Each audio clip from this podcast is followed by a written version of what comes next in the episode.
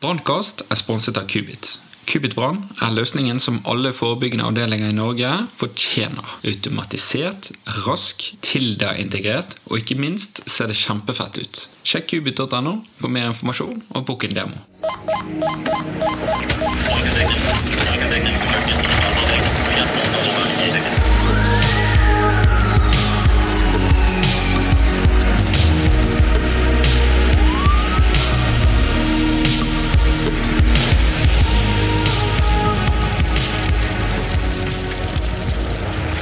Velkommen tilbake til en ny episode med podkasten Brannkast. I dag skal vi snakke om krigen i Ukraina og brannvesenet sitt bidrag med humanitært utstyr.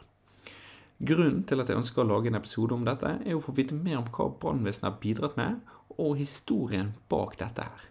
Til dette, og dagens gjest, det er pensjonerte utrykningslederen Odd Steinar Rønne. Velkommen skal du være. Tusen hjertelig takk for det. Hyggelig. Ja, veldig hyggelig. Hvem er egentlig du? Ja, eh, jeg er en eh, trønder, som du hører på dialekten. Ja. Som, eh, som gjerne vil kalle seg en ildsjel i forhold til humanitær bistand til Ukraina. Basisbakgrunnen er vel at jeg er gift med en dame fra Ukraina. Har drevet og reist i Ukraina i ti år. Og kjenner veldig mye folk i Ukraina, og selvfølgelig også da folk i brannvesenet. Ja, Er dette grunnen til at eh, du har begynt med denne eh, innsamlingen? Innsamlingen eh, starta jeg sammen med kona mi faktisk for syv år siden.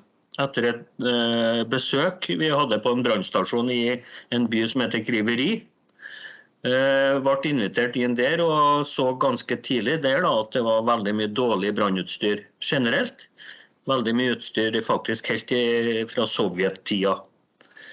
Eh, bestemte meg da for å prøve å bidra litt med norsk utstyr. Norske brannvesen bytter veldig mye utstyr.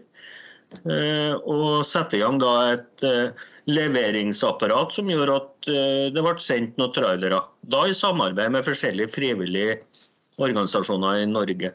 Ja, det er jo veldig spennende. Du nevnte jo dette her med sovjettiden. Altså, hvordan er egentlig tilstanden den her? Altså, hva, hva utstyr er det vi snakker om, egentlig? Ja, det er, det er meget dårlig. Eh, vi lever i 2022, og vi opplever å se brannfolk i regnklær som brannuniform. Regnklær på kroppen i forhold til strålevarme. Vet jo alle i brannvesenet hvilken betydning det har. De har dårlig kjøretøy, eh, mangler det meste av eh, åndedrettsvern. Og totalen er dessverre meget dårlig. Ja, har de kommunikasjonsutstyr, filtermasker? De har vel, vel eh, underbekledning, vel? Nei, det finnes ikke noe underbekledning, dessverre. Eh, samband det kan være et eller annet håndapparatet. Selvfølgelig ikke noe samband mellom eh, brannmannskap. Eh, eh, filtermasker jeg er ikke sikker på hva jeg har sett borti Ukraina. Mm. Så de gjør brannbekjempelse uten noe som helst eh, form for åndedrettsvern, eh, dessverre. Det høres jo helt merkelig ut. altså sånn Sett i norske øyne, da, så, så virker det rett og slett bare ja, rart. Det er klart, Ukraina er jo et land i utvikling, det òg. Og, og det er klart, de større byene i Ukraina Eh, vil jo ha bedre utstyr. Men eh, erfaringa mi er at eh, alle mindre byer ser gjerne fra 200 000-400 000 innbyggere. Det er byer som ikke er prioritert, og der er utstyret veldig, veldig dårlig. Ja, Det er jo utrolig synd at, at det skal være sånn, da. Men hvordan har brannfolkene det, da? Vet du noe om det? Brannfolk har det veldig tøft. Jeg har daglig kontakt med brannfolk i Nipro region. Altså Nipro region ligger ganske langt øst i landet. Det ligger sør for eh, Kharkiv. Det ligger vest for Donbas. Og det ligger nord for eh, Kherson og Mariupol. Så de er midt i, i smørøyet for en stor krigstilstand. De har det kjempetøft, som sagt. De lever 24 timer i døgnet, sju dager i vekka på brannstasjonen. Og de fleste brannfolkene har vel evakuert alle sine familiemedlemmer ut av Ukraina. Så de, de har det kjempetøft. De bare blir igjen og sikrer eh, byen mot eh, brann, da, eller? Sikrer byen mot eh, brann og, og redde liv i, i, store bygninger som er bomba. Og de er, Dere er virkelig helter i, i mine øyne. Altså. Mm. Ja, det er de. Men hvordan er, er det for de, altså De er jo midt i en krig. Er de de er ikke noe risiko for å bli skutt mot? Da. Dessverre så er ukrainske brannfolk et mål for russiske styrker. Eh, siste tallene jeg har, eh, som er fire dager gamle, så det er drept 117 brannfolk. Det er skada oppimot 200 stykker. Det er åtte som er kidnappa av russiske styrker. Det er over 1500 brannstasjoner som målbevisst er bombet. Og det er en størrelsesorden snart 1600 brannbiler som målbevisst er bombet av russiske styrker. Så brannfolket i Ukraina jobber daglig med spesielle hjelmer og skuddsikre vester utenpå sine uniformer. Ja, Det er jo helt tragisk. Ja, det er kjempetragisk. Det, det er det virkelig. Ja, Det er jo helt ja, sinnssykt. Men ja, altså hvordan har du fått til dette her med å, å få et samarbeid med brannvesenet i Ukraina? Altså, hvordan er det egentlig? Hvordan ble det til? For et års tid tilbake, under den koronaepidemien vi hadde, så fikk jeg donert en eh, brannbil fra Stavanger. Som mm. ble stående pga. Eh, som sagt av koronaen. og og vi hadde tanker om at vi skulle inn med den nå i år. 24.2 eh, så ble jo landet utsatt for en invasjon fra Russland, dessverre. Og dette med behov for brannbiler meldte seg ganske med en gang. Eh, fikk med meg en eh, god del folk, og vi fikk faktisk tre nye biler i tillegg til den fjerde vi hadde. Og så kjørte vi inn i Ukraina og leverte fire biler. Den responsen var såpass motiverende at når vi kom hjem, så satte vi oss ned og diskuterte. Så var vi en gjeng med både aktive og pensjonerte brannfolk som bestemte at vi må gjøre noe. Vi må gjøre noe på lang sikt. Så vi stifta en organisasjon. Fikk en registrert i Brønnøysundregisteret og Frivillighetsregisteret. Og sette i gang og danna et styre. Og mm. begynte å samle brannbiler. Så vi har faktisk vært tre turer inn i Ukraina. Vi har levert hittil totalt 21 brannbiler. Vi har levert totalt tre fulle trailerlass med brannutstyr som er donert fra hele Norge. Wow, såpass? Ja, Det er jo en eh, enorm giverglede, det, fra Brann-Norge. Ja, det, jeg har jo hatt en pådriver på tidligere brannsjef eh, på Steinkjer. Jeg har hatt en ekstrem pådriver i brann- og redningssjefen i Stavanger. Som har eh, bidratt og etablert kommunikasjon med de fleste brannsjefene i Norge. Og vi har fått en kjemperespons på biler. Mm. Og vi skal jo ha en ny tur. Ja, når er det, da? 9. juli starter vi en mm. kolonne med ti biler til Oi. Oi, såpass. Det blir jo bare mer og mer, det her. Det blir mer og mer. Men hva er det dere ser etter når dere driver og har sånne innsamlinger? Er det, hva er det folk kan bidra med? Ja, vi har jo kommunikasjon opp mot Ukraina før i hver tur. Så vi har jo spissa eh, type innsamlinger eh, før hver eh, hver tur vi har hatt. Eh, første turen så var det jo rett og slett kjøretøy. Andre turen så hadde de ønske om eh, en god del sambandsutstyr. De hadde behov for åndedrettsvern. Vi fikk donert veldig veldig mye røykdykkerutstyr. Tredje turen så ble det spissa opp imot dette her med redning i sammenraste bygninger. Vi fikk donert veldig mye rescuesager, bajonettsager, sirkelsager. Nye som brukte. Og vi har veldig mye av sånt utstyr som vi sendte til, til Ukraina på det tredje lasset. Eh, På det lasset vi har nå, så er det generelt brannutstyr.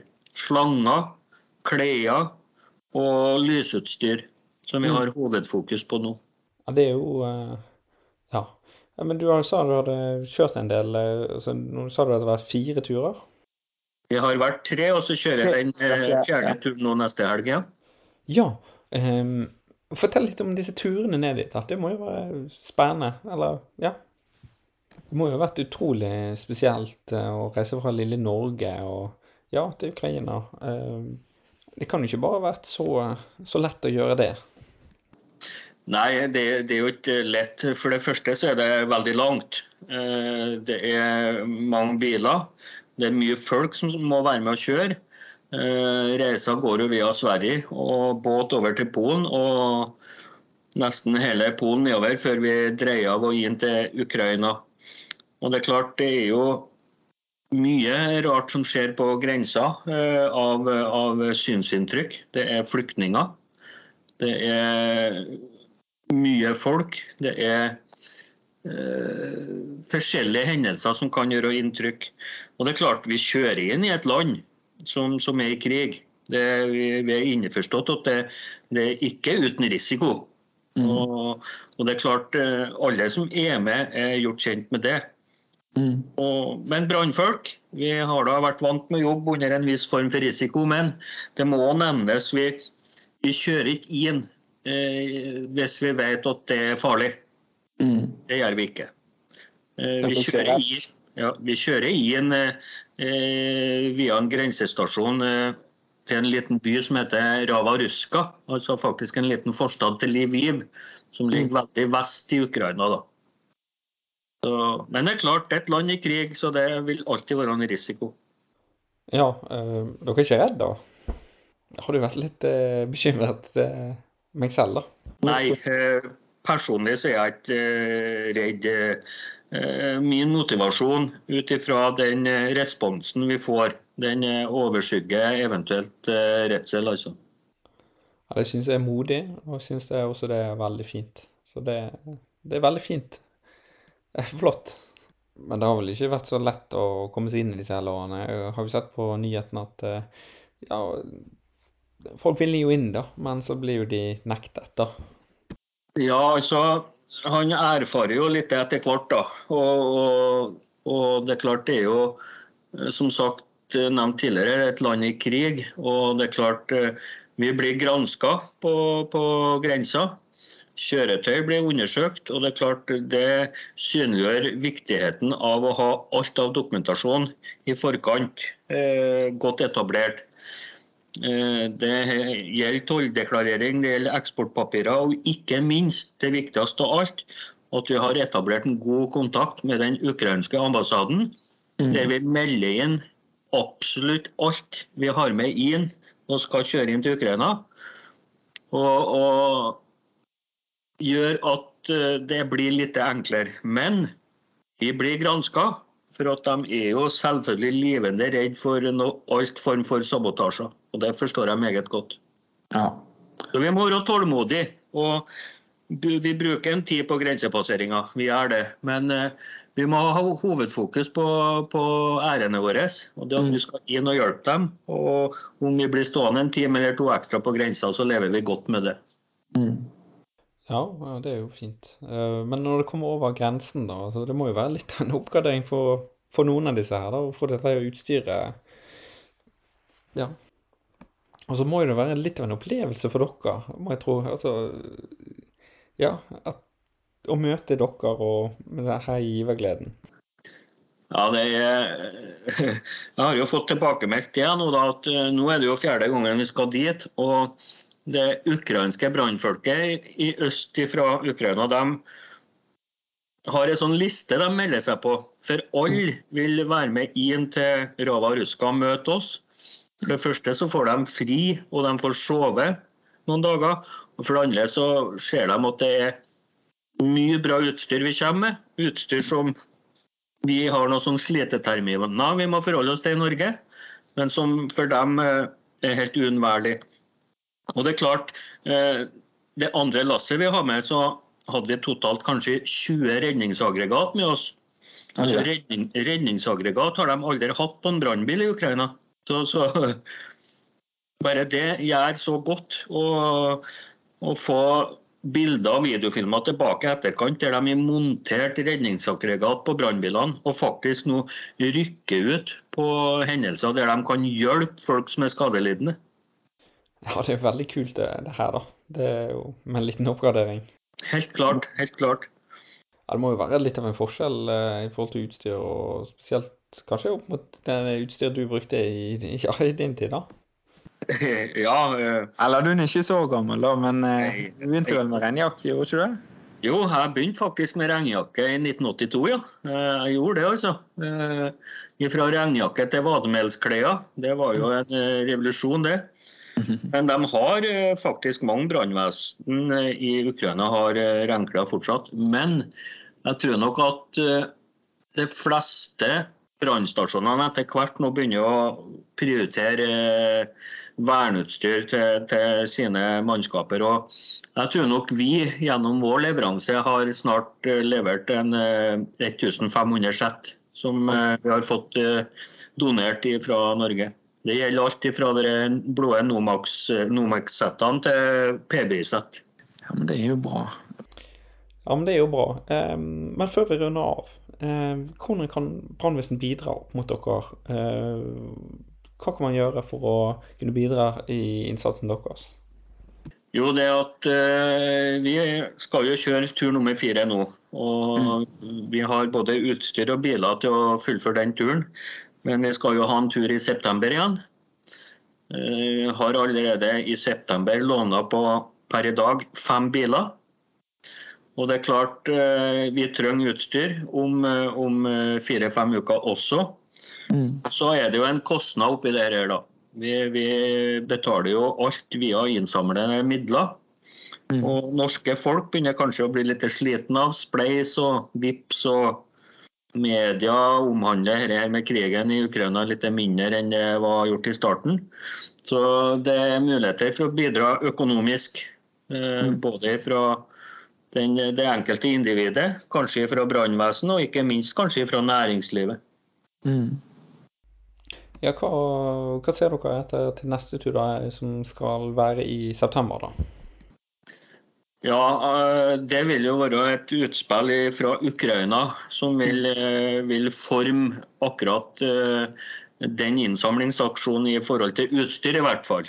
Ja. Vi begynner å ha noen biler på plass, og så vil vi ha en god kommunikasjon i forhold til ønsket fra Ukraina. For det er jo sånn at Situasjonen forandrer seg fra uke til uke. Kanskje må vi begynne på med dette med redningsutstyr om fire uker. Det, det, er ikke godt å si. Så vi kommuniserer godt med Ukraina, og vi får oppdatering på behov etter hvert. Ja, OK. Men det er jo greit å vite. Men da tenker jeg at vi eh, runder av. Tusen hjertelig takk, eh, Steinar, for at du er virkelig en hedersmann. Og takk til eh, deg og dine som bidra til dette her. Og igjen også takk til brannvesenet i Norge. Eh, takk for nå, og takk. Tusen hjertelig takk for det. Det skal vi gjøre.